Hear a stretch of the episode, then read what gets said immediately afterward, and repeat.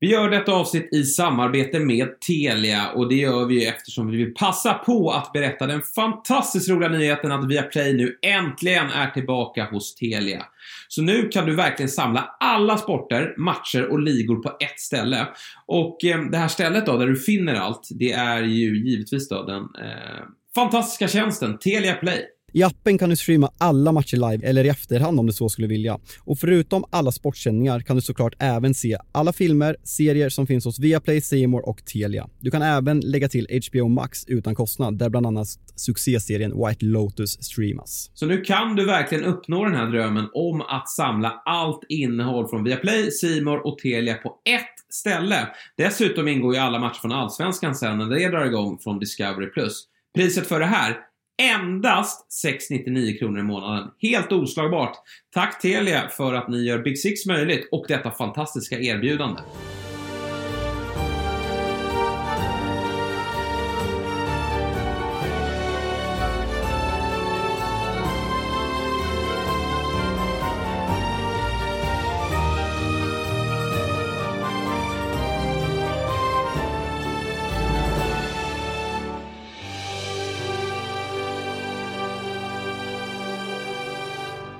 Då säger vi äntligen varmt välkomna till ett nytt avsnitt av Big Six. Vi lovade ju att vi skulle återkomma med ett avsnitt direkt efter VM och snacka upp eh, omstarten i mellandagarna.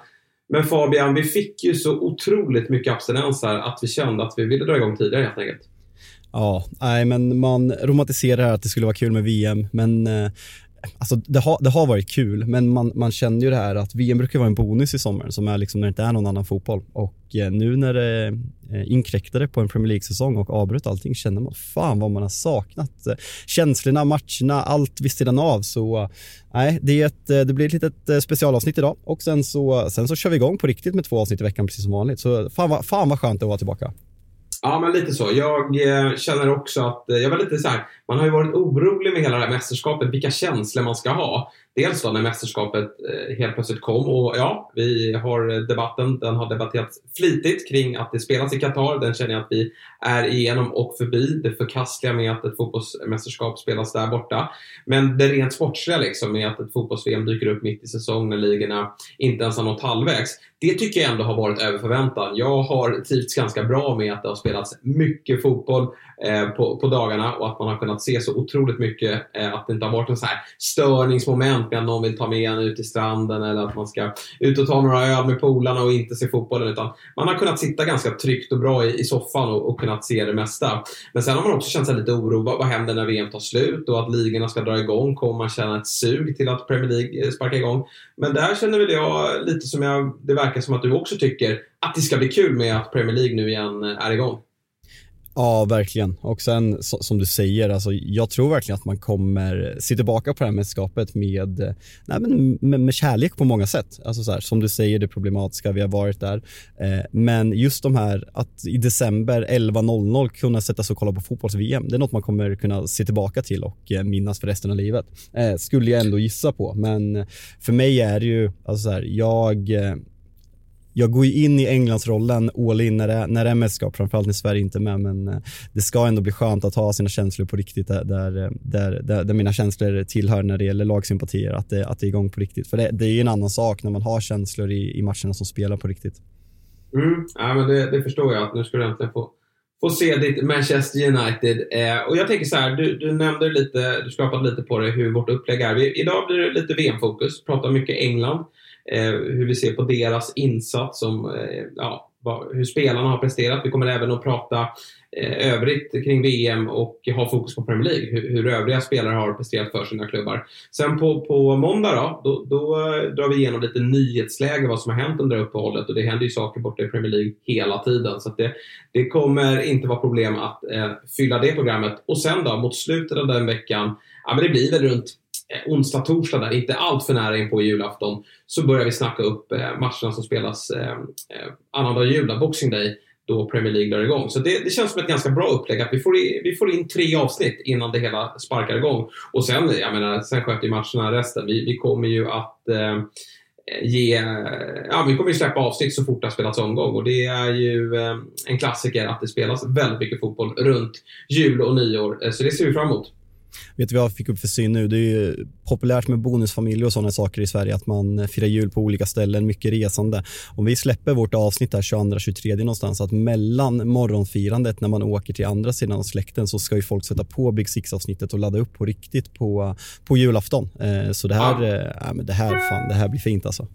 Ja men verkligen. Och jag tycker liksom att vi, vi kan verkligen eh, eh, vi kan verkligen släppa det eh, framåt eh, torsdagen där så att folk som även bilar runt om i landet ska ta sig till, till släkt eh, och vänner eh, redan eh, framåt fredagen. De ska kunna ta del av avsnittet och så lever avsnittet hela vägen då tills allt, allting drar igång. Men där är vi inte ännu utan nu blir det lite fokus på VM och England då först och främst. Eh, det blev en kvartsfinal för det engelska landslaget. Och man får väl någonstans säga att det var med mersmak. För fan vilket surt uttåg det blev ändå. Verkligen och eh, hade man gissat någonstans innan vad oddsen sa så blev det ju som många trodde. England vinner gruppen, Frankrike vinner gruppen, en ganska enkel väg i åttondelsfinal och sen åker man ut mot Frankrike. Och på det sättet är det väl eh, 2 plus, 3 plus, men jag tycker väl på något sätt att prestationerna i det här mästerskapet har gett en mersmak vad man har sett tidigare. Både du och jag har varit kritiska mot eh, Gareth Southgate, eh, men jag tycker väl på något sätt att han visar upp någonting jag inte har sett. En flexibilitet, en mer offensiv anda och att han, han får väldigt många spelare att vara bättre i landslaget än vad de är i klubblaget och det, känslan är att det är väldigt ovanligt. Går man bara till Sverige så kommer jag bara ihåg alltså, debatten med Fredrik Ljungberg, hur svårt man hade att få honom att lyfta i landslaget och även med, med Alexander Isak kanske och framförallt Dejan Kulusevski som är fenomenal i Tottenham men kanske inte riktigt får ut det på samma sätt i Sverige. Så det är något som Gareth Southgate verkligen ska ha eh, redemption för efter, efter det här mästerskapet på något sätt och debatten är ju väldigt mycket nu vad, ska han stanna? Eh, ska han gå? Det, känslan är, vill han stanna så gör han det. Ja, det känner jag också. Eh, för att det här är ju verkligen, eh, det är ju faktiskt någonting att, att bygga vidare på. Det känns som att förbundet har ju, har ju backat honom och, och sen ska man ju också veta att det är alltid så med förbundskaptenen. Southgate är inget undantag. Att det finns kritik på hur, hur laget leds. Alltså, det är ju bara att kolla i Frankrike. Många tycker att Deschamps, eh, han, han eh, spelar inte en tillräckligt attraktiv fotboll med det materialet han har. Men nu är han ju i sin andra raka VM-final och, och, det kan bli en back-to-back -back när det kommer till VM-bucklan. Så förbundskaptenen ska ha kritik, men det som du säger har, har främst kritiken som har riktats är ju att han har ju spelat många av spelarna som har varit kalla i klubblaget har han spelat i landslaget. Men de, å andra sidan då, Harry Maguire är väl det, det tydliga exemplet. Men han, han gör ju ett bra mästerskap så att någonstans får man ge Southgate rätt här. Sen är det, ju, det speciella med det här mästerskapet då när det kommer mitt i, det är ju att förberedelserna för alla landslag är ganska korta. Det gäller att få ihop det eh, väldigt snabbt. Och där har ju nog Southgate en fördel att han har jobbat med det här laget under en, under en så pass lång tid. Eh, han eh, har ju eh, EM förra sommaren och, VM 2018 dessförinnan då, en final och en eh, semifinal. Vilket liksom någonstans eh, leder till att Southgate har, ja men han vet hur den här gruppen, hur han ska hantera den här gruppen. Spelarna vet vilken fotboll som, som Southgate vill, vill spela. Och det här är ju faktiskt ett landslag som ja, Frankrike är i final och, och hade Harry Kane inte skickat den där straffen till månen så är nog fan inte frågan om det hade varit som så att eh, fotbollen hade kommit hem till slut. Alltså när man, fan Marocko i semifinal, det är så deppigt när man lägger upp ja. det där. Alltså förutsättningarna fanns verkligen och England gör verkligen en, jag kanske var lite i affekt några, några öl in när, eh, när de ringde upp mig från Dobbs uppesittarkväll eh, i den matchen när jag sa att England dominerar matchbilden i 90 minuter. Det kan, kanske var lite överdrivet. Men det var verkligen, eh, ja, men på en känsla att England var det bättre laget. Va, va, gällande den här, det har ju blivit en liten debatt det här gällande att ta två straffar och kanske framförallt när man möter sin, sin, sitt eget lags målvakt. Var står du i den debatten? Nej, men det är så lätt att trycka på det i, i efterhand. Jag, jag tycker det är så självklart att det är Harry Kane som, som stegar fram där med tanke på att vi har ju faktiskt att göra med en av världens absolut bästa straffskyttar. Jag, jag, jag vet att han har någon boom i Spurs, men de är inte många. Han fullständigt bombar in den första straffen. Han är lagkapten, han är den stora stjärnan det är väl klart som fan han ska gå fram och stå den andra straffen, tycker jag. Eh, sen, sen och, och tänk om någon annan klivit fram och missat. Ja, men de rubrikerna. Nu var det ju... Southgate fick ju, eh, tycker jag, med all rätt en hel del kritik för att det var Saka som fick stå den sista straffen. Att man, man liksom någonstans eh, skickar fram en ung tupp längst ut på plankan. Jag eh, i EM-finalen mot Italien när han missar här är det, är det någon som kan hantera den här straffmissen även om det kommer svida väldigt lång tid för Harry Kane för vi vet hans eh, historia också med, eh, eh, ja han har väl aldrig vunnit en titel och det finns stora frågetecken om han någonsin kommer att vinna titlar eh, om han blir kvar i, i Tottenham. Så, eh, men, men, så det svider ju för honom såklart men är det någon som kan hantera det här så är det ju Harry Kane. Ja, jag hoppas det. Och det som är, om man ska ta något positivt med, med utvecklingen av engelsk fotboll, om man kommer bara ihåg mästerskapen man växte upp till kanske framför allt. Eh, nej men det är väl både 96 på hemmaplan, jag kommer inte ihåg vem det är som missar då, men, nej men i VM 98 så är det David Betty som eh, missar straffen mot Argentina och eh, hängs ut ganska rejält och kanske framförallt David Beckham som, eh, som blir utvisad i, eh, i situationen med Simeone. Det där har engelska pressen kommit ifrån, att man letar efter syndabockar och det är på något sätt fint för det känns verkligen som att man har samlats kring det här laget och känner en tillhörighet till det här laget. Man märker att alla spelare oavsett vart de spelar, eh, som Phil Foden och Marcus Rashford lägger upp bilder på sociala medier Gary Neville och Steve Gerrard hade inte gjort det 98. Så det är, en, det är en fin utveckling på den moderna fotbollen som vi ibland klagar på att vi, att vi saknar känslor och dylikt. Och sen gällande det här med straffen med Harry Kane. Vem skulle slagit den? Saka var på plan i straffskytt i Arsenal. Du kan inte skicka fram honom där efter vad som hände i EM. Rashford var inte på plan. Fine, Harry Maguire har slagit tidernas bästa straff, men han, han ska absolut inte slå den. Eh, och vad finns, det, vad finns det bakom? Det finns liksom ingenting.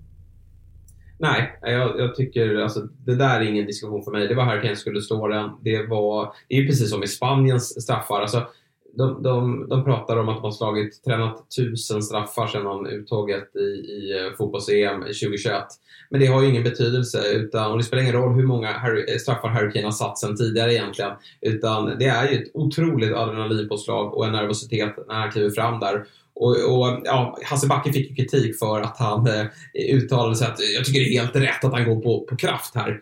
Eh, och, och jag, jag, jag, förstår ju någonstans vad Backe eh, menar där är att det är många av de här som har missat straffar under eh, turneringen har ju eh, skickat, eh, skickat fram ärtbössan. Knappt styrfart på bollen, den når ju knappt eh, strafflinjen. Så att, eh, jag tycker att eh, Harry Kane gör ju rätt som dunkar på, men det är ju, och det gör han ju ofta. Så alla straffar han sitter, det är ju med en jäkla kraft. Men han får för mycket fot under bollen och eh, England missar ju en ypperlig, eh, ypperlig möjlighet att få, få eh, ta hem den här efterlängtade bucklan.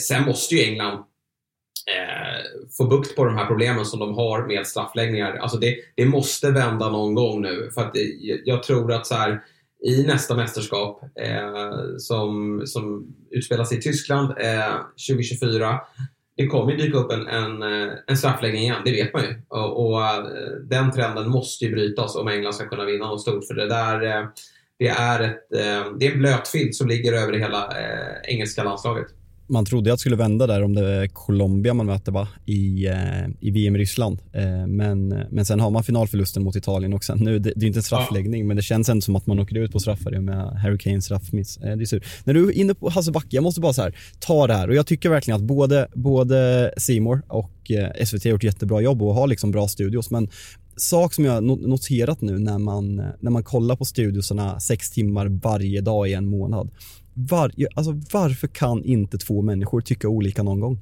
Alltså det har inte hänt Nej. en enda gång. Varför, kan, varför vågar inte svenska studios tycka olika i en enda debatt? Nej, jag, eh, jag hör vad du säger och, och det grundar sig nog i att det finns en, en vänskap och relation sedan tidigare som gör att man inte vågar stöta och blöta varandra. Det är det som är så befriande när man, man hör de engelska eh, experterna de, de har ju snarare gjort det till, till sin grej att aldrig hålla med varandra. Eh, och, och, det är ju faktum är att det är bättre TV, men det där är ju verkligen något som man själv kan ta till sig. Eh, men, men eh, ibland är det ju verkligen som så att man, man, man har för lika åsikter. Men det är ju roligare att eh, från soffan se när, när, när folk tycker olika. Ja, nej, men framförallt när man jämför två spelare kan jag tycka att det, det piggar upp verkligen. Att någon tycker Ronaldo bättre, någon tycker Messi bättre. Nu kanske det är ett dåligt exempel för nu är väl 99% i Messi-båten. Men just ja, men om man jämför Kevin De Bruyne med eh, Luka Modric exempelvis. Att alla bara, nej men Modric är bra för att det är inne och tycka det. Fan, våga tycka olika, våga bli irriterade på varandra. Det är bra TV. Ja, jag håller med dig. Eh, om vi tar eh, VM i, i sin helhet då, för det var ju som sagt alltid diskussioner kring den här startelvan. Eh, och eh, i, i, första matchen då, så, så, det som stack ut i den matchen var ju ändå eh, kanterna, vill jag ändå säga. Han väljer ju att satsa på Raheem Sterling eh, på ena kanten och Saka på andra kanten. Saka kommer ju från en stark säsong, Sterling gör det inte. Men framförallt då så bänkar han ju Phil Foden. Eh, och, och, det reagerade jag väldigt kraftigt på. Jag tycker att Phil Foden alltid ska finnas med i en engelsk startelva. Jag, jag, tycker han är den mest givna offensiva spelaren bakom Harry Kane. Jag tycker han är helt fenomenal och den, den mest moderna eh, fotbollsspelaren England kanske någonsin har fått fram. Eh, så, så det, det, förstår jag inte. Men sen på något sätt, Southgate har ju sina de här, ja men Mason Mount, alltså jag, jag gillar verkligen Mason Mount. Han, han är en jättebra spelare, han är en modern tia om man får uttrycka sig så, en väldigt löpstark, bra i båda riktningarna men han har inte fått att lossna varken i EM eller nu i VM i Englands landslag och Raheem Sterling, alltså jag, egentligen vill jag inte slå på stora trumman men är han slut? Ja, jag vet inte för jag tycker väldigt mycket talar för att vi inte kommer få se den Raheem Sterling som eh, kom fram i Liverpool som var fenomenal i City i flera år och som öste in mål. Den här säsongen i Chelsea och de senaste, det här mästerskapet eh, tyder på att han kan ha väldigt svåra problem att komma tillbaka. Men det jag tycker Southgate ska hyllas för är att han vilket han inte tidigare gjort, att han tar in Foden tidigt när han inser att det är fel. Han vågar spela Rashford som gör det bra, ger Rashford fler minuter som uppenbarligen är i form och han, och han tar ut både Sterling och Mount för att hitta framförallt roll till Foden, men även hur han lyckas få in Henderson som man kanske trodde var den sista spelaren som skulle spela i en tvåvägs eh, mittfältarroll, där man kanske trodde att Madison också gick före, men Henderson gör ett dunder-VM måste jag nog säga. Ja, men definitivt. Jag håller med dig. Det är liksom all cred till Southgate där som anpassar sig efter hur hur det artar sig och, och eh, kritiken, ja, men det är så här, Sterling och Mount, att de startar första matchen, de är ju uppenbarligen inte i form och där finns det ju konkurrens. Eh, det är, på mittbacken, Harry Maguire, ja men det finns ju de, nu var ju inte han med i mästerskapet, men det finns de som eh, skriker om att Tomori ska spela där och eh, ja, men många hävdar att Erik Dyer får ju ändå speltid i sitt Spurs, även om han också kan stå för en hel del eh, sämre insatser. Men, men det är inte samma konkurrens på mittbacken. Och Harry Maguire eh, tycker jag någonstans, om han ska få lämna den engelska startelvan så måste han väl spela sig ur den också i England. Han har ju spelat sig ur den eh, med all tydlighet i United, men har inte riktigt gjort det i England ändå. Han har stått för bra insatser och han gör ett bra mästerskap. Men här då, eh, Sterling och Mason Mount, de, de börjar ganska knackigt även om det är eller Sterling gör ju mål eh, i, i, första matchen, men jag tycker inte att han visar att han, han är eh, han är inte på den nivån och ska du ha det djupleds, eh, djupledshotet då tycker jag att det är Marcus Rashford som, som ska spela. För han visar ju när han får chansen mot Wales att han är, eh, är verkligen het. Men, men valet sen när man kommer till åttondelsfinal och Senegal, det blir ju ändå på det man trodde att han inte skulle våga spela. Det blir ju eh, de, de absolut tre bästa och det är ju faktiskt Foden, Kane och Saka. Man har ju alltid trott att eh, Southgate har velat ha det där djupledshotet i antingen då Sterling eller Ehm, Rashford. Men han väljer de eh, lite mer ja, men, eh, droppande yttrarna. De som kommer ner och hämtar lite mer boll eh, och, och, och, gillar att, eh, att ha mer boll i form av Saka och Foden. Och det, det faller ju väl ut. Det funkar ju alldeles utmärkt med, med de tre. Verkligen, men vad, om vi bara tar Southgate innan vi går vidare på lite snackisar i engelska laget och även övriga Premier League-spelare. Vart, eh, vart landar du i Englands insats? Vad, många säger ju liksom att man, man vinner de matcherna man ska göra. Man är på något sätt det sämre laget mot USA. Så man slår alltså Wales och, eh, vilka har man i första matchen? Iran. Eh, ett yeah. Iran i väldigt stor obalans den matchen och sen så slår man Senegal för att sen åka ut mot Frankrike. Överhypar man det för att man har mött eh, stora, eh, så här, lättare lag på pappret eller var man bättre? För, eller är det vanligt ja, det... engelska överskatt, överskattande? Nej, men det, det, är så svårt det där. Alltså man, man, får alltså, man, man, gör ju det man ska hela vägen fram till att man möter Frankrike som ju är ju tillsammans med Argentina VMs bästa lag. Och det, i, i den matchen så står man för en, en, en jäkligt vass prestation. Eh, att åka ut i kvartsfinal, det, det i sig kanske är ja, underkänt. Jag vet inte riktigt. Alltså, eh, England, ja de är väl ett av VMs åtta bästa lag. Bättre så kanske man inte är. Men prestationsmässigt så är det ju faktiskt mer smak och, och det är nog den man någonstans får titta på. Vi, vi tyckare och supportrar, vi är ju väldigt snabba med att eh, vara framme med, med yxan så fort eh, resultaten går emot. Men, men, prestationsmässigt så är ju det här ett, ett steg i ytterligare rätt riktning. Och även om det går att påtala att England haft en, haft lätta lottningar i tidigare mästerskap så är det ändå nu de, de tre senaste mästerskapen eh, kvartsfinal, semi och final. Och, eh, eller kvartsfinal, final, semi. Och, och eh, tittar man historiskt sett så, så är det ganska bra faktiskt för att vara eh, England. Så att eh, om Southgate vill vara kvar, och man hör ju faktiskt aldrig Alltså, det finns ju faktiskt att många spelare som skulle kunna kliva ut och, och, och såga i form av Trent Alexander-Arnold och ja, andra spelare som inte riktigt får eh, eh förtroendet. Men, men det hör man inte kring Southgate utan det, det verkar ju som att han är hyfsat omtyckt i gruppen. Mm, det, det, är verkligen känslan och det är det man har märkt med, med landslaget om vi bara går till svenska landslaget. Janne, folk ifrågasätter resultaten med, med rätta kan jag tycka men han får ju ihop gruppen. Du har ju ingen svensk spelare någonsin säga något negativt om Janne Andersson för att han är ja, men en otrolig jävla ledare som får upp grupper och det är det som är jävligt viktigt och det märker man ju som du var inne på med Deschamps. Argentina inte heller spelar sån jävla sprudlande fotboll.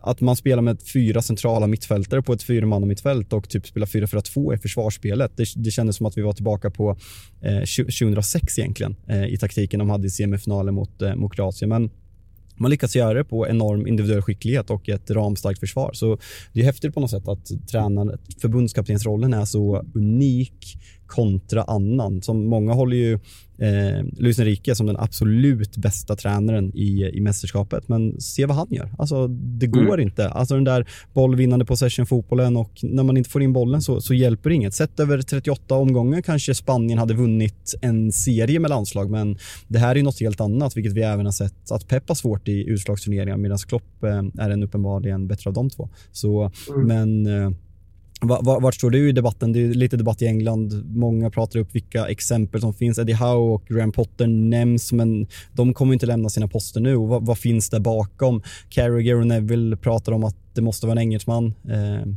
vart, jag såg några rykte om eh, Brendan Rodgers också, men det känns väl inte heller glödhett. Nej, alltså, det är inga, om det ska vara en engelsman så finns det ju inte så många bättre alternativ. Är, vi vet ju det, att England har ju haft det svårt att få fram skickliga tränare. Potter och Eddie Howe är de hetaste nu, men varför ska de lämna sina klubblag? Det känns ju som att landslaget...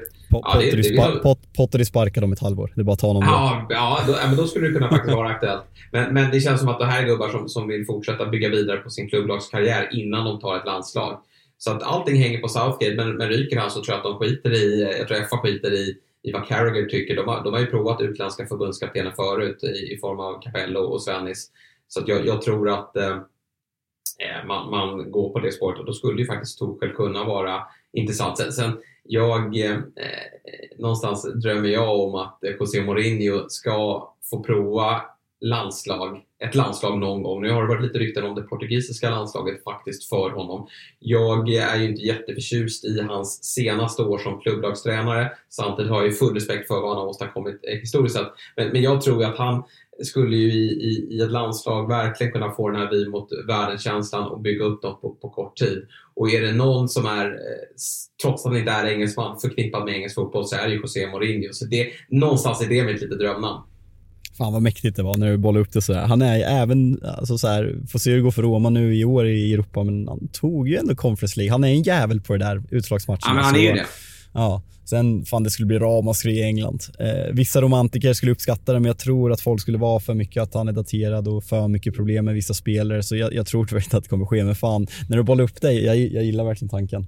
Ja, vi, Mourinho hade verkligen varit pick. Men nej, ja, vi, vi, pendeln svänger i, i Big Six. Jag, jag säger att Southgate, om han är kvar så ska han få fortsätta. Jag tycker att England behärskar eh, flera, olika, liksom, flera olika, olika delar i spelet. Man kan stå lågt och ställa om, man kan äga boll. Den individuella spetsen finns där och, och när man tittar på laget, det är klart att Harry Kane, han har väl eh, minst två mästerskap till i sig om han vill. Och, och nu eh, har han ju tangerat Roneys målrekord och det, det vill han ju såklart förbättra. Eh, och, eh, så att han är med i, i eh, Tyskland och förmodligen sen även i USA. Men sen har vi ju väldigt många unga spelare i det här laget som samlar på sig så otroligt mycket rutin och erfarenhet här. Så det är bara på, eh, upp på hästen igen och, och eh, hoppas att det, det, går bättre till, till nästa mästerskap. Men vi kan väl gå in lite på eh, eh lite individuella insatser och spekulera lite kring vad vi tror härnäst. Den som fick sitt definitiva genombrott, i alla fall på landslagsnivå. Han har ju fått det redan i klubblaget den här hösten. Det är ju Dortmunds Jude Bellingham som gör ett fantastiskt bra mästerskap i en lite mer offensiv roll. Det var ju han som tog Mason Mounts mer offensiva roll. Han hade ju mer eh, en, en, defensiv roll när han fick eh, chansen i eh, EM 21. Bellingham gör ett bra EM och nu är det ju såklart liksom, den stora eh, snacksen kring honom är ju vilken klubb han ska landa i. Och eh, han hänger ju väldigt mycket med Trent Alexander-Arnold och Jordan Henderson i, i landslaget. Sen vad det har för betydelse för klubbval, det lägger jag inte särskilt stor vikt i egentligen. Men sen hör vi ryktena om att det verkar vara Liverpool som ligger längst fram i det racet. Och eh, de har ju varit, eh, de har jagat honom under en längre tid. Eh, det känns ju som att de bara går och väntar på att Dortmund ger klartecken och att Bellingham ger klartecken så kommer de vara där och hugga. Eh, vad, vad, känner du? Blir det, blir det Liverpool för Jude Bellingham i sommar eller?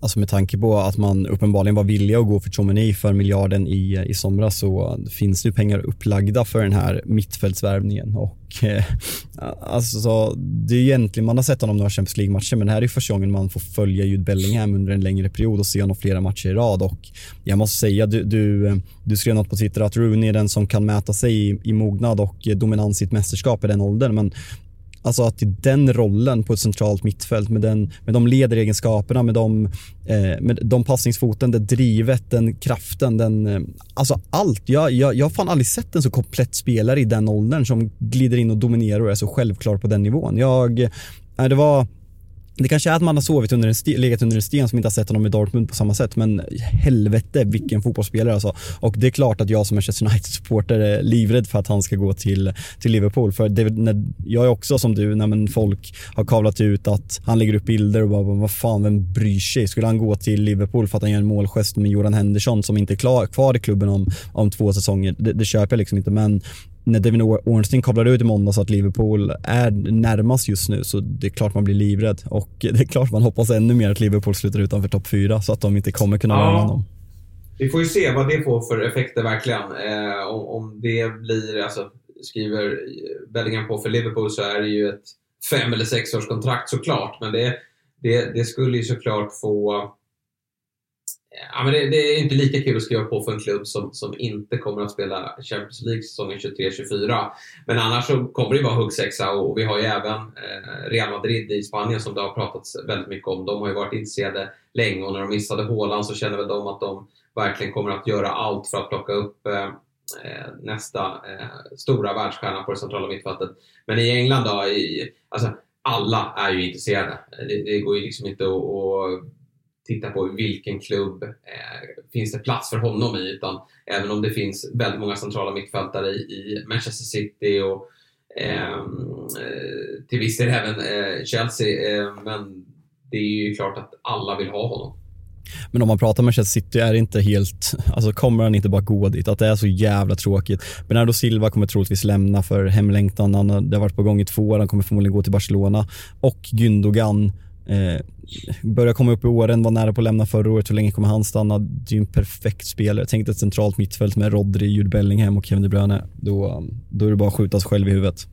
Ja, lite så. Då dör ju verkligen Premier League. Och, och på, tal om, på tal om kompisar, där finns ju också eh, Erling Braut, eh, Holland, som, som eh, ju såklart har en god relation med Bellingham. Men nej, jag, jag jag jag hoppas ju på, på någon annan klubb än, än Manchester City, men det är absolut inte otänkbart. Jag menar, vi vet ju hur många spelare som har uttryckt sin önskan om att jobba under Pep. Sen har ju Klopp också den dragningskraften, måste sägas. Att han är ju också en häftig ledare att få jobba med. Men, men eh, Pep är ju häftigt att få jobba med och, och eh, eh sen har han ju eh, Kevin De Bruyne som jag också någonstans tror att den där eh, honom vill man nog väldigt gärna eh, dela ett, ett mittfält med. Då. Ja, men det, blir, det blir spännande att, att, följa. Jag hoppas i alla fall att det blir Premier League för, för Bellingham.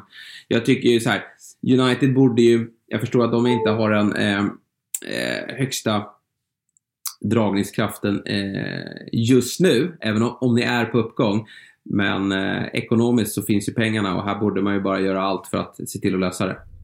Ja, nej, det, det, tror jag att man kommer göra. Sen ser jag det faktiskt som osannolikt. Jag, jag har nog svårt att, Chelsea kommer också gå där det ryktas, men jag har svårt att se honom hamna i någon annan engelsk klubb än City och Liverpool om det går. Jag har ju haft ganska länge starka Real Madrid-vibbar. Eh, men som du säger, jag hoppas verkligen att det blir Premier League. Big Six görs i samarbete med våra vänner borta på atg.se. Fabbe, du var ju het här under hösten med dina PL-tips. Men den här gången så kommer du att eh, ge oss hur VM-finalen på söndag slutar.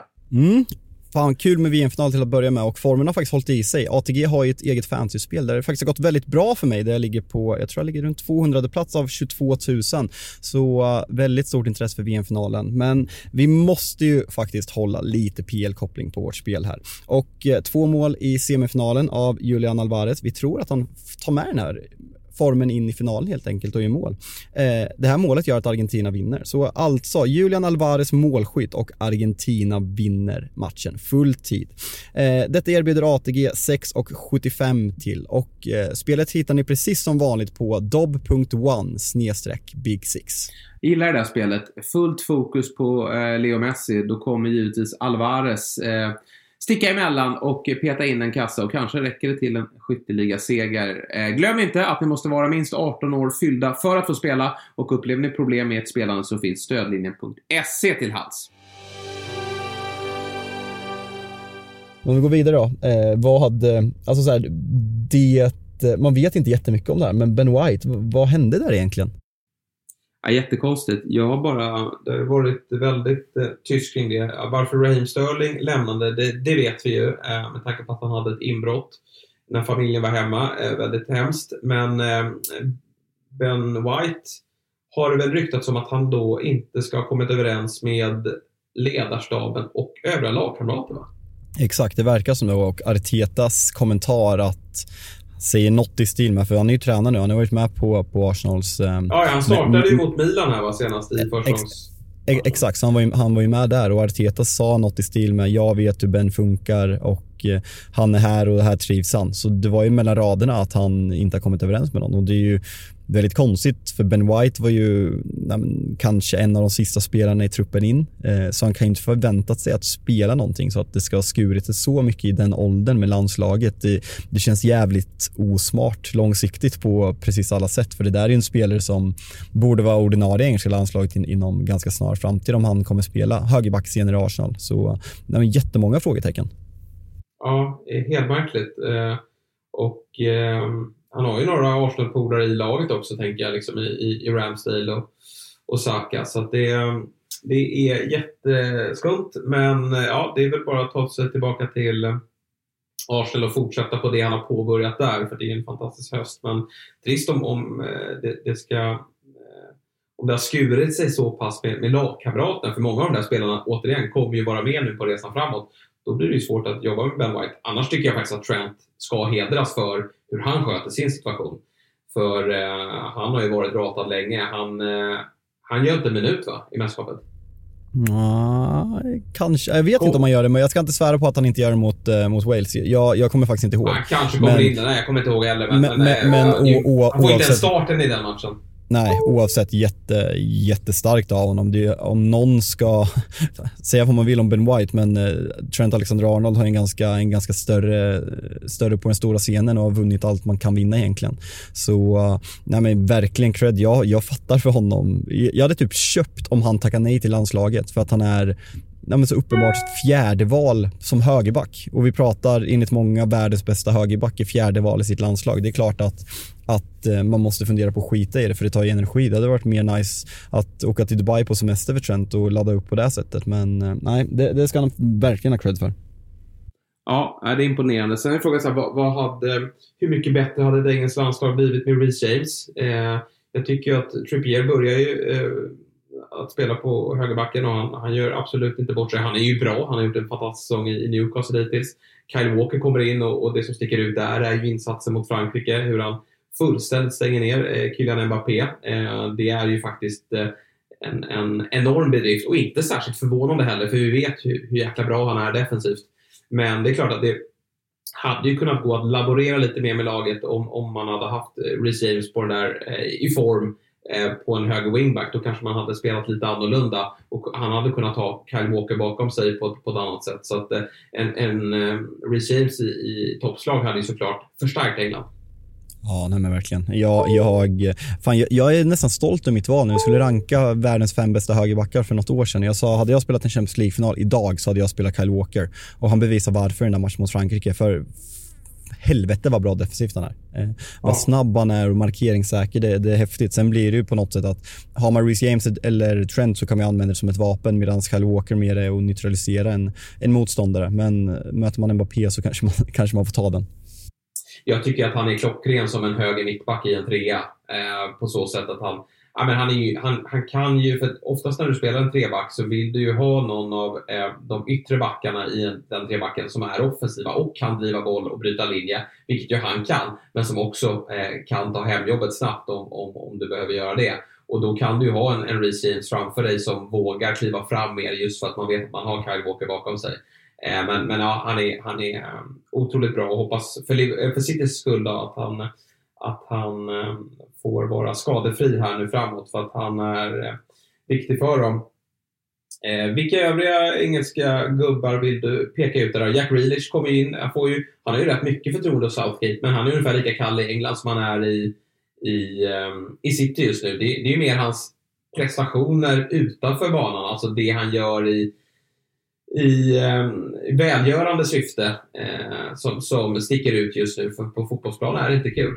Nej, det, det är fan deppigt. Och både du och jag gillar Jack Grealish i, i, ja. i grund och botten. En annan är att ta, ta tillbaka den där kärleken lite med tanke på hans eh, klubbtillhörighet för tillfället. Men det är deppigt att se honom spela fotboll. Man vill ju se den, den flytande självförtroendestinna eh, Jack Grealish som, eh, som slog igenom i Aston Villa och som värvades för miljard, miljarden. Så vi får se. På något sätt, vi har ju varit inne på det tidigare i år, men på något sätt börjar man väl landa i att City borde sälja honom. Eh, rädda, rädda det som räddas kan och så länge det finns ett bra andrahandsvärde i honom så borde man kunna sälja honom. Sen vilken klubb ska han gå till? En Arsenal-typ av klubb ska han gå till? Eh, Eh, Chelsea typ, jag, jag, vet inte, men någonting måste hända där för nu ser det inte roligt ut. Det är deppigt. Annars, vem sticker ut? Jag tycker, jag tycker De De Declan Rice är eh, bra som vanligt. Han syns inte. Jag håller honom jättehögt. Jag har ju fått skit för att jag håller honom så högt för att man är brittrunkare och bara kollar på engelsk fotboll. Jada, jada, jada. Men jag tror att han, jag, jag tror han kommer gå till Chelsea i, i sommar. Jag tror han kommer vara helt fenomenal för dem alla kan ju inte se ut som, alltså det är ju så här, eh, oftast så tycker de som, som håller spansk fotboll eller italiensk fotboll eh, högre än engelsk fotboll eh, att han, han är för kantig och att det, det, han är för trög. Men, men, alla kan inte se ut som Pedri och Gavi och, och, och, om alla skulle se ut så, så blir det inte så bra heller. Eh, utan Declan Rice, han är, han är en rollspelare, han är nyttig för engelska landslaget, man ser att han är en ledare och det laget som lägger de pengarna som krävs eh, kommer såklart vara väldigt nöjda med Declan Rice. Mm, nej, men det är min känsla också. Så vi går vidare och surrar lite eh, allmänna PL-insatser och snackisar i mästerskapet. Ja, men det tycker jag. Det, det jag konstaterar det är ju att så här, det fanns väl en, en lite så oro, oro hos er som håller på en klubb borta i England. Är att så här, ja, men vad händer om eh, mitt lag får många spelare som går till en, en, en final? Jag tänker mig i ditt fall då, Bruno Fernandes, tidigare Ronaldo, nu är inte han kvar längre, men Dalot. Eh, nej men så här, okay, då, då, vinner de ett VM-guld, då ska det firas och då kanske man missar eh, de, de, två första matcherna på grund av att det är ett tajt spelschema. Eh, men det är, det är inte jättemånga Premier League-spelare. Vi har ju Martinez som kommer att spela eh, VM-final. Vi har Varann. Eh, vi Va, kan, kan, du, kan, du, kan du säga det igen? Jag vill bara höra att. Eh, Varann och Martinez. Oh. Har du mer? Usch, usch. Eh, Har vi någon mer från England? Nej, nej alltså från uh, Juristo i mål. Ja, eh, vi glömmer ju den bästa McAllister. Konotea, McAllister. Eh, Spurs har ju Romero i, eh, det. Ja, det i Argentina. Det finns ett gäng, det är ganska få eh, ja. sett till hur många spelare som var i Premier League, men det är ganska få. Typ City har ju bara en spelare i Alvarez. Eh, så det, det, finns ett gäng, men ändå ganska få. Hade det varit andra, vissa andra, andra länder så hade det kunnat vara riktigt stökigt. Ja, och sen är det inga liksom så här, det är inga... Det är klart att det är, Romero är viktig för, för Spurs och, och McAllister är jätteviktig för Brighton, men det, det är inte de här superstjärnorna. Till exempel om England hade gått hela vägen, då hade det liksom eh, hade ju såklart funnits en oro kring, kring många av de där spelarna när de skulle eh, nyktra till och komma tillbaka. Men eh, vi, eh, jag vill ta en, en take, det vill jag ta från Kroatien. Där har vi ju sett att eh, Perisic har spelat eh, väldigt mycket. Han ska spela bronsmatch på lördag också. Och jag vill betona väldigt mycket, för nu när han kommer tillbaka till Spurs så är det väl slut på den här förbannade rotationen.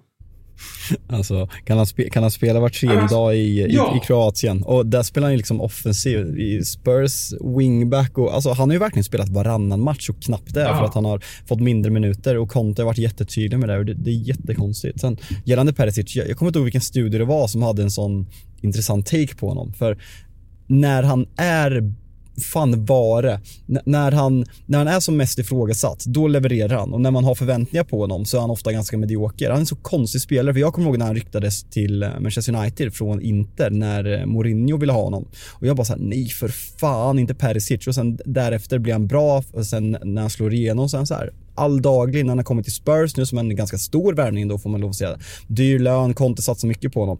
Det är nog en liten besvikelse. Kanske för att han har spelat för lite, men man hade ju väntat sig mer på något sätt. Jag vet inte. Ja, men det är väl också för att Spurs inte har funkat särskilt bra eh, spelmässigt. Det har vi ju varit på dem. Vi har varit kritiska mot, mot Spurs och eh, ja, Perisic, vi vet ju, alltså det ligger väl också, det är väl också en förklaring till varför Conte inte har spelat honom eh, tre gånger i veckan. Men det är ju att han, han var, hade någon skada på försången, han kom igång sent och Conte klagade, lite på hans fysik. Men, men nu råder det i alla fall inga tvivel om att pallar spelar spela i den där hettan eh, var tredje, var fjärde dag och dessutom spela 120 minuter för sitt Kroatien, ja men då ska han faktiskt orka. Eh, visst, han kan ju fimpa ligacup och, och FA-cup och så vidare, men, men eh, Premier League och Champions League, det ska han faktiskt mäkta med. För att jag, jag känner ändå att eh, om, om Spurs ska gå bra här nu så måste de hitta sina wingbacks framöver och, och den bästa utav dem alla är ju Perisic. Ja, verkligen. Alltså, de, har ju, de har roterat båda kanterna hela tiden, men han är ju, han är ju bäst där. Och kan Docherty komma tillbaka i, när var det, sista två månaderna på våren innan han skadade knät. Han var helt fenomenal där. För det, det är ju Spurs, det är både Chelsea och Spurs har ju sådana enorma vapen i, i sin ytterbackar, så där, där måste de ju komma igång och få något som funkar för mm.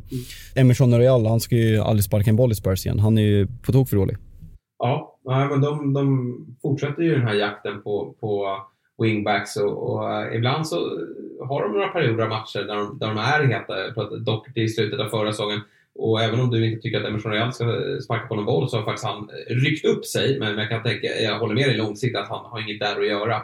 Så att den, den jakten fortsätter och, och, när vi ändå är kvar i Spurs då, om vi ska prata VM-spelare, så um, har vi ju Rickarlison som trots att Brasilien som lag står för ett fiasko, för det är det när man åker ut i en kvartsfinal när man var stora favoriter.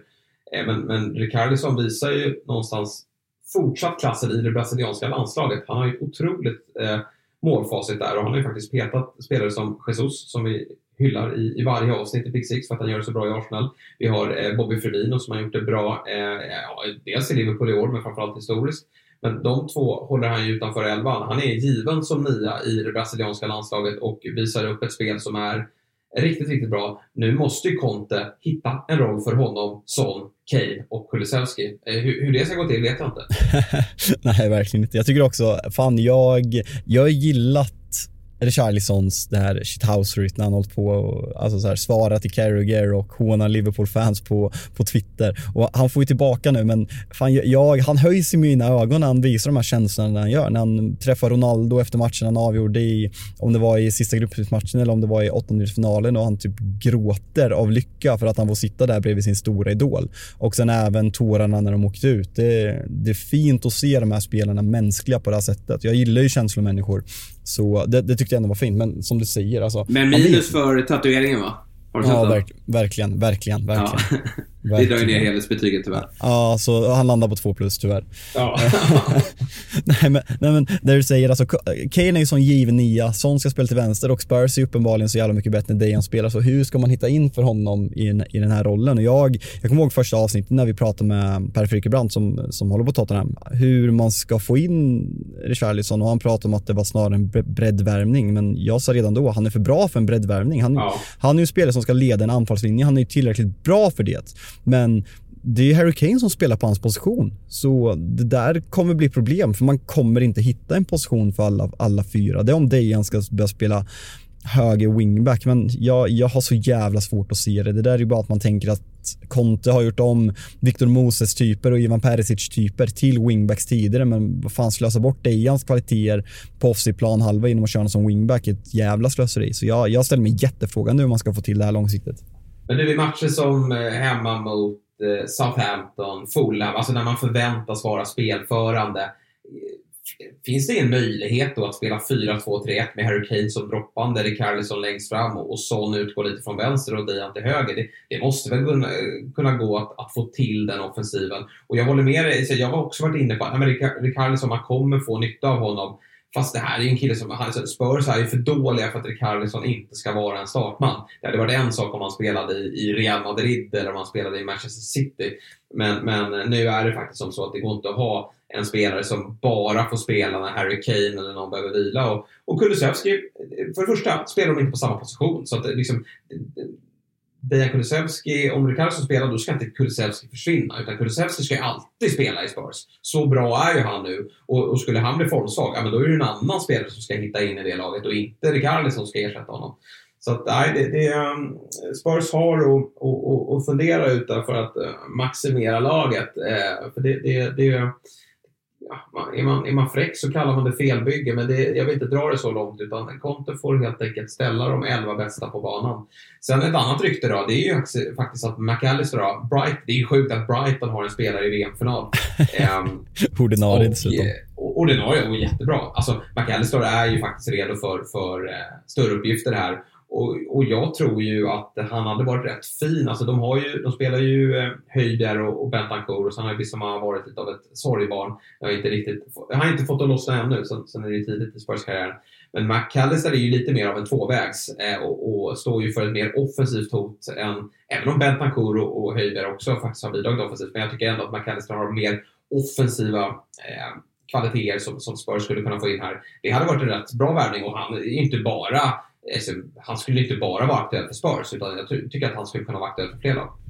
Är man inte ruggigt svag för de här Alltså man, man glömmer typ bort det när det inte är VM, men de här besatta argentinska spelare. Jag, eh, jag tror ingen missa, har missat min eh, nyfunna förälskelse för Lisandro Martinez, men fan vad svag man är för den här spelartypen och många av de argentinska spelare, om, om vi tar dem att Uruguay, om vi generaliserar som djävulen, vilket man får göra ibland, att Uruguay är Sydamerikas svin och brassarna är liksom sam, samba sambalandet så är argentinarna verkligen en blandning. De har det brasilianska fin, finspelta och de har även det här, den här psykådran som uruguayaner är kända för med Suarez, Godin, alltså så här, det, finns, det finns så många genom åren som man bara förknippar med att, att göra allt för att vinna och det är så jävla charmigt att se det där laget och McAllister är ju det han har ju både, han har ju defensiven, han har tjurhuvudet, han har vinnarskallen och han har även fötterna och offensiven. Så det, det är en väldigt attraktiv spelare och född 98 så det är en bra ålder också.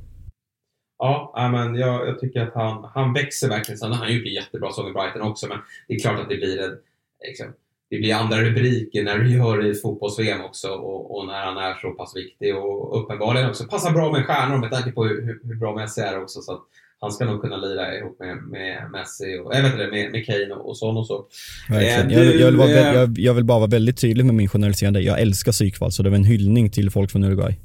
Ja, men, eh, och då kan vi väl ta Darwin Nunez, för där tänker jag, eller så här, vi ska ju gå igenom lagen lite mer genomgående, men jag bara tänker så här, eh, Liverpool har haft ett bra mästerskap eh, sett till att många spelare har fått det ganska sparsamt med speltid. Darwin Nunez, VMs sämsta spelare.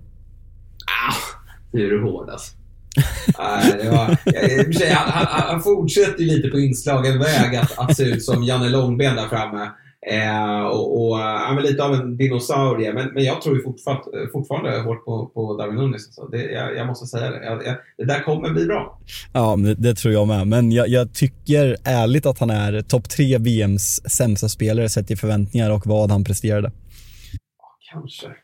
Nej, nej, jag tycker du överdriver. Men, men det är klart att det inte är ett bra mästerskap. Han gör inga mål och, och uh, han, han, måste göra det bättre. Men, men det var inte lätt att vara anfallare i Uruguay som, som verkligen inte eh, fungerade. Men, men ja, han, han får ju liksom åka hem här nu och fokusera på, på eh, Liverpool där det kommer bli väldigt mycket speltid med tanke på de skadeproblemen de har. Men det tar vi senare. En annan som har skadeproblem, och det här är ju en smäll, det är ju värsta tänkbara nyheter för Arsenal. Gabi Jesus eh, har genomgått en operation och eh, kommer att vara eh, borta, vad det sägs då, tre månader. Ja, nej, det, det är katastrof. Det är, det är verkligen katastrof för Arsenal. Man, eh, vi, vi har hyllat honom som du sa tidigare unison trots att han kanske inte har gjort så mycket mål och underpresterat XG mest i hela Premier League. Men han, han gör sina mot, medspelare så mycket bättre. Så att få in Eddie Nketiah där, som eh, måste ändå säga i våras visar han att han kan hålla upp en anfallslinje i ett bra Premier League-lag, men inte tillräckligt bra för att vinna Premier League och det är där Arsenal är nu. Arsenals eh, Arsenals förväntningar eh, nu kontra när man gick in i säsongen, då var det liksom vi ska sluta topp fyra, vi ska ta oss till Champions League. Nu måste det på något sätt vara att de går för att vinna ligan och eh, det, kommer, det kommer upp mot ett hungrigt City som, som eh, uppenbarligen har fått lite mer bredd när de bevisar hur bra Julian Alvarez är och sen ska de leda anfallslinjen med Edin Kettia. Det, det är klart att det är ett enormt jävla slag för Arsenal eh, ja. som vi får se hur det går med. Och det här är ingen eh, personlig kritik mot just eh, Eh, Liverpool, eller Arsenal-supportrar, men, men är det inte bland det värsta man vet när det dyker upp en sån här skada på en stjärna och så ska supportrarna börja bolla upp den, e den egna talangen som alla vet inte håller måttet för att leda Arsenal. Och det, och det är så här, nu vill supportrarna, nej inga problem, vi har en Kettia. Lite samma som när, när Chelsea höll på med, med Tammy Abraham. Att de har fan, de har fan hållit på med många. Jävla, ja, de har hållit på med många. Men, men ju faktiskt Billy Gilmore var ju bäst i världen ja. för två år sedan enligt vissa. Vart är han nu? Ja. Brighton typ? Ja, Nej, men det är så här, tron på, på egna spelare som... Och, och det, många gånger, så, eller många gånger, några gånger så stämmer det. Ibland så har ju den egna talangen klivit fram och, och, och, gjort det jäkligt bra. Men jag vågar sticka ut hakan och säga här att eh, Ed Nketiah, han eh, håller ju inte kvar Arsenal i någon, någon eh, någon guldstrid så jag tror jag att Arsenal har, eh, är tillräckligt bra eh, utan Gabriel Jesus och man har eh, liksom samlat ihop tillräckligt många poäng för att man kommer att nå Champions League ändå. Eh, även fast man tar lite stryk nu när Jesus är borta. Men snälla Arsenal, ge eh, det här chansen nu och, och plocka in en ersättare för det behöver ni även på, på, på lång sikt. Så jag, jag, jag såg ju ryktet och det var ju ändå från Marca att man leder jakten på Joao Felix och det låter ju mumma eh, i, i mina öron.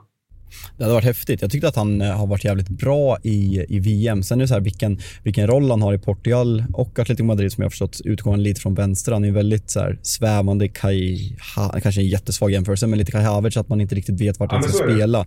Eh, jag läste faktiskt David Ornstein skrev att eh, Aston Villa var ett alternativ för Joao Felix. Och då, ja, vi, vi, vi, har pratat, vi har pratat om det här med Premier Leagues attraktionskraft, men skulle, skulle Aston Villa värva Joao Felix för miljarden, då, då är det på en helt nivå skrattretande på alla sätt. Eh, Orange skrev ju också att eh, Mudryk från eh, Shakhtar, runt 80 miljoner pund. Eh, väldigt högt uppe på Arsenals eh, eh, önskelista. Sett honom alldeles för lite, men han är väldigt uppsnackad och gjort det bra i, i Champions League. Eh, så eh, det, det, det, känns som att det finns pengar och att de kommer gå för någonting. Sen om det är Eh, bara för eh, Jesus skada eller inte, det, det, får vi se. Vi återkommer väl mer i det i, i nästa veckas avsnitt när vi, ska, när vi ska summera vad som har hänt i, i länderna. Men prekär situation för Arsenal. Ja, eh, så är det. Det här var lite värsta tänkbara, eh, att, att just eh, Gabriel Jesus skulle gå sönder. Det finns att, att fundera på, men, men jag tror att liksom, det finns ju pengar också. Jag tror att Arsenal inser läget och med tanke på de ryktena som finns där så, så tror jag att man, till skillnad från förra årets fönster, kommer att agera. Du, en annan spelare, du ville nämna Nunez som en av VMs sämsta spelare, alltså sett till förväntningar, Kevin De Bruyne. Belgien var iskalla precis som Uruguay, men jag hade förväntat mig väldigt mycket mer. Och, och det gör ju ont för mig, som alltid står längst fram eh, i ledet och, och eh, lyfter på handen när jag vill hävda att eh, Kevin De Bruyne är världens bästa mittfältare.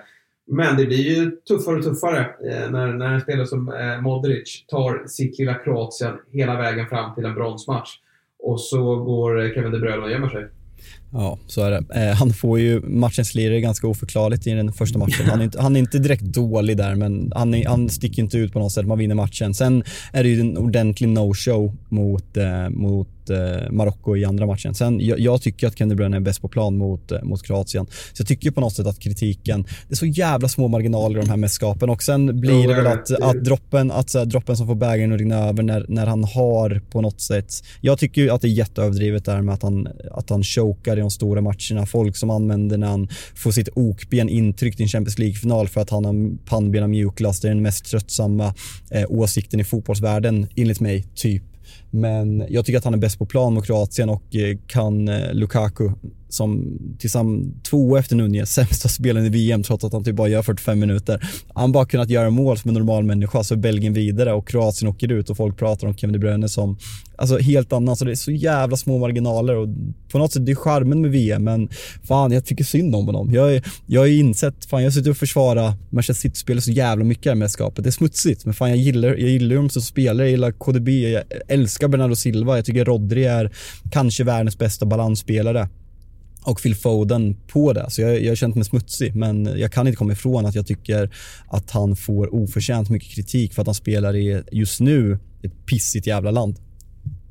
Nej, alltså jag har det verkligen och jag tycker att Alltså Bränne är ju det bästa, den, den, bästa Belgien har i det här VMet. Det är ju några andra som är Alltså fruktansvärt svaga. Eden Hazard, vilket, vilket skämt han har gått och blivit till fotbollsspelare. Eh, där, där kan vi ju prata om att eh, man, är, man är fruktansvärt besviken. Men eh, eh Kevin De Bruyne, jag hade ändå liksom så här, jag ser de här stora spelarna lyfta sina lag och någonstans handlar det om också att få ihop gruppen.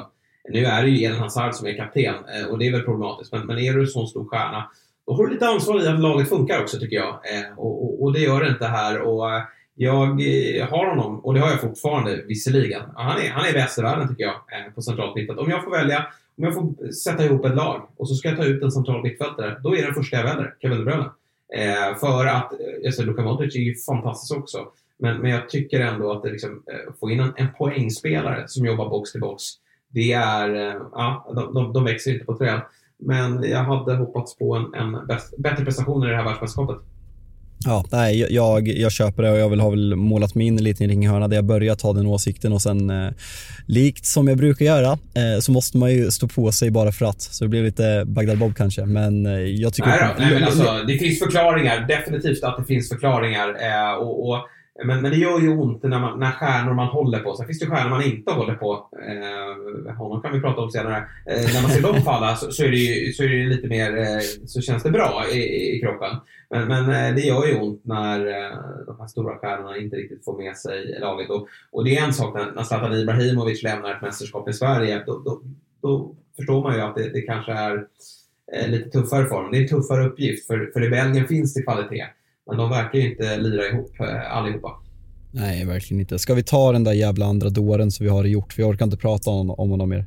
Nej, vi kan väl eh, någonstans eh, sätta punkt för, för hela den soppan. Men det var ju under mästerskapet som det blev klart. Då. Och det var väl bästa tänkbara att eh, kontraktet mellan Manchester United och Cristiano Ronaldo är eh, rivet. Ja, det, det, var ju, det var ju så sjuk timing att vi spelade in en dag tidigare än vad vi normalt sett gör när vi skulle göra vårt sista avsnitt och typ timmar efter så kommer det upp att den här intervjun ska publiceras. Eh, så vi har inte kommenterat den. Nej, men det har ju varit, det, det är så surrealistiskt, det är som en dåligt skriven eh, parodiskräckfilm på något sätt. Eh, hans agerande, vad som skedde. Sen som du säger att kontraktet bröts så smidigt under mästerskapet är det absolut bästa som kunde hända för olika parter och jag gick från eh, avsky på något sätt när jag hörde intervjun tills att kände när, när kontraktet bröts hur ovärdigt det hela blev att jag ändå på något sätt hoppas att man kommer kunna se tillbaka på Cristiano Ronaldo och minnas eh, 06 till 09 Cristiano Ronaldo som enligt mig var världens bästa spelare då. Och att man ska, skulle glömma, glömma den här återkomsten för att sen se honom i, eh, i mästerskapet och se att det var, ingen, det var inte bara att han inte fick förtroende i United, han är inte bättre än så här. Och eh, man ställer sig frågan, vart fan ska han? Vem ska betala de pengarna för honom? Och på något sätt vill jag inte att han ska gå till Saudi eller Qatar. Eh, alltså så här, jag, får man två miljarder per säsong, jag, jag, jag, köper det. Men på något sätt är det ovärdigt att det ska sluta med att han petar. Han, han får sitt kontrakt uppsagt i Manchester United. Han blir petad i Portugal som lagkapten i åttondelsfinal och att han lämnar Qatar. Det är på något sätt, säga vad man vill om Cristiano Ronaldo som människa och spelare, att man tycker att Messi är bättre, så är det ett jävla ovärdigt slut på alla sätt och vis om det blir så. Absolut. Och sen är det inte konstigt, det får vi inte glömma, att, att, att man börjar tappa som fotbollsspelare när man är 38 år eh, gammal. Eh, det, det, är liksom, det ligger ju i linje med, med hur allting ska gå till. Zlatan har ju faktiskt också eh, tappat prestationsmässigt. Sen är han några år äldre. Men eh, han har ju snarare förstärkt sina ledaregenskaper och blivit viktigare för gruppen. Och det är ju det Ronaldo inte kan ta till sig. Jag tycker det, jag tycker det är smått vedervärdiga bilder. Men bara den här grejen med att han, att han Eh, ska tjata till sig det här målet med, från Bruno Fernandes. Alltså den, här, alltså den här kåtheten på att göra mål, eh, någonstans, den, den, någonstans uppskattar man den för det är det som har tagit honom dit han är. Men, men det måste finnas en förståelse för att okej, okay, jag är inte lika bra längre, men jag spelar för mitt land och eh, i det här fallet också, jag spelar för min klubb Manchester United. Jag måste kunna finna en annan roll i laget. Det är det som blir det viktiga och det har inte han eh, kunnat hantera.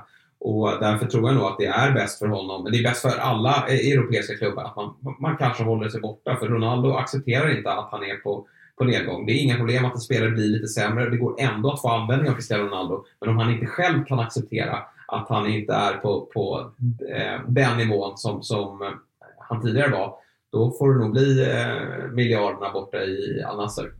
Ja, nej, men det är verkligen känslan. Jag har känt för, känt för första gången i mitt liv, jag har alltid varit eh, Team Ronaldo i Messi-debatten, men nu, fan, jag behöver, behöver vända alltså. Så, det, är, så, det är svårt så, att stå i den andra ringhörnan. Ja, jag vet. Där, där är man ganska ensam, så jag, jag vände. Det var ju faktiskt första gången, det var faktiskt första gången i, i Messis agerande mot Holland i, i kvartsfinalen som jag, kände något för honom. Att han, han, han mm. gjorde något med mig. Om du bortser från fotbollskvaliteterna som eh, liksom, det behöver man inte diskutera, men att hans, hans persona gjorde någonting med mig. Så det, det, det var ändå fint att se. Men Ronaldo Ronaldo, som du säger, vi ska lämna honom, men skulle han kunna acceptera en roll typ i Napoli som går som tåget? Att vara tvåa bakom oss i män, att man slänger in honom när man jagar sena ledningsmål eller behöver trycka på och spela var tredje match. Då jättebra, men han kan ju inte acceptera det. Det är ju det som är så vedervärdigt på något sätt. Ja, nej, det är en eh, speciell individ, men det är också kanske därför han är där han är och du och jag sitter och spelar in poddar. Troligtvis. Det, det, det, det är ändå gått från minus 12 i bilen till, eh, till minus 4 under tiden vi har spelat in, så eh, fan, det går framåt här. Ja, det, det är starkt av dig eh, Fabbe. Och jag tänker faktiskt som så att vi, vi ska eh, runda av här, för vi vill ju komma in lite på då, vad ska United göra? Nu är det en lucka eh, på anfallsplatsen här som de behöver fylla. Och allt det så ska, ska vi ta eh, på måndag när vi, när vi eh, pratas vid igen. Eh, och, och, ja, kanske hitta liksom en, en, en plan framåt för, för klubbarna i, i Premier League. Men också givetvis gå igenom det som har hänt i nyhetsväg som inte har med, med VM att göra. Men du Fabbe, jag vet inte hur du känner men jag tycker det här var jäkligt eh, kul och befriande på något, eh, på något sätt. Nu blev det ju med VM-fokus men det känns jäkligt eh, skoj att det, det drar igång igen. Och eh, det är ju en, en eh, liga som lever i allra högsta grad. Verkligen. Jätteskönt att vara igång på. podd. Det är på något sätt startskottet för att PL drar igång igen. Och sen ganska skönt, även om du inte har varit med mig på alla bollar, så skönt att prata med någon som också är en, en så kallad brittrunkare, att man inte får mothugg när man hyllar upp de engelska spelarna. Så det har jag saknat. Fan vad jag saknat det. Ja, så är det. Eh, du eh, Fabbe, nu ska du få eh, lämna bilen och ta dig till, till värmen då. Och så gör vi som så att vi hörs eh, på måndag igen. Tack till alla er som har lyssnat. Hoppas ni är med oss under hela julen och givetvis hela vägen framåt. Och sprid ordet att fler ska lyssna på Big Six så kommer vi att bli starkare och bättre. Vi hörs på måndag igen.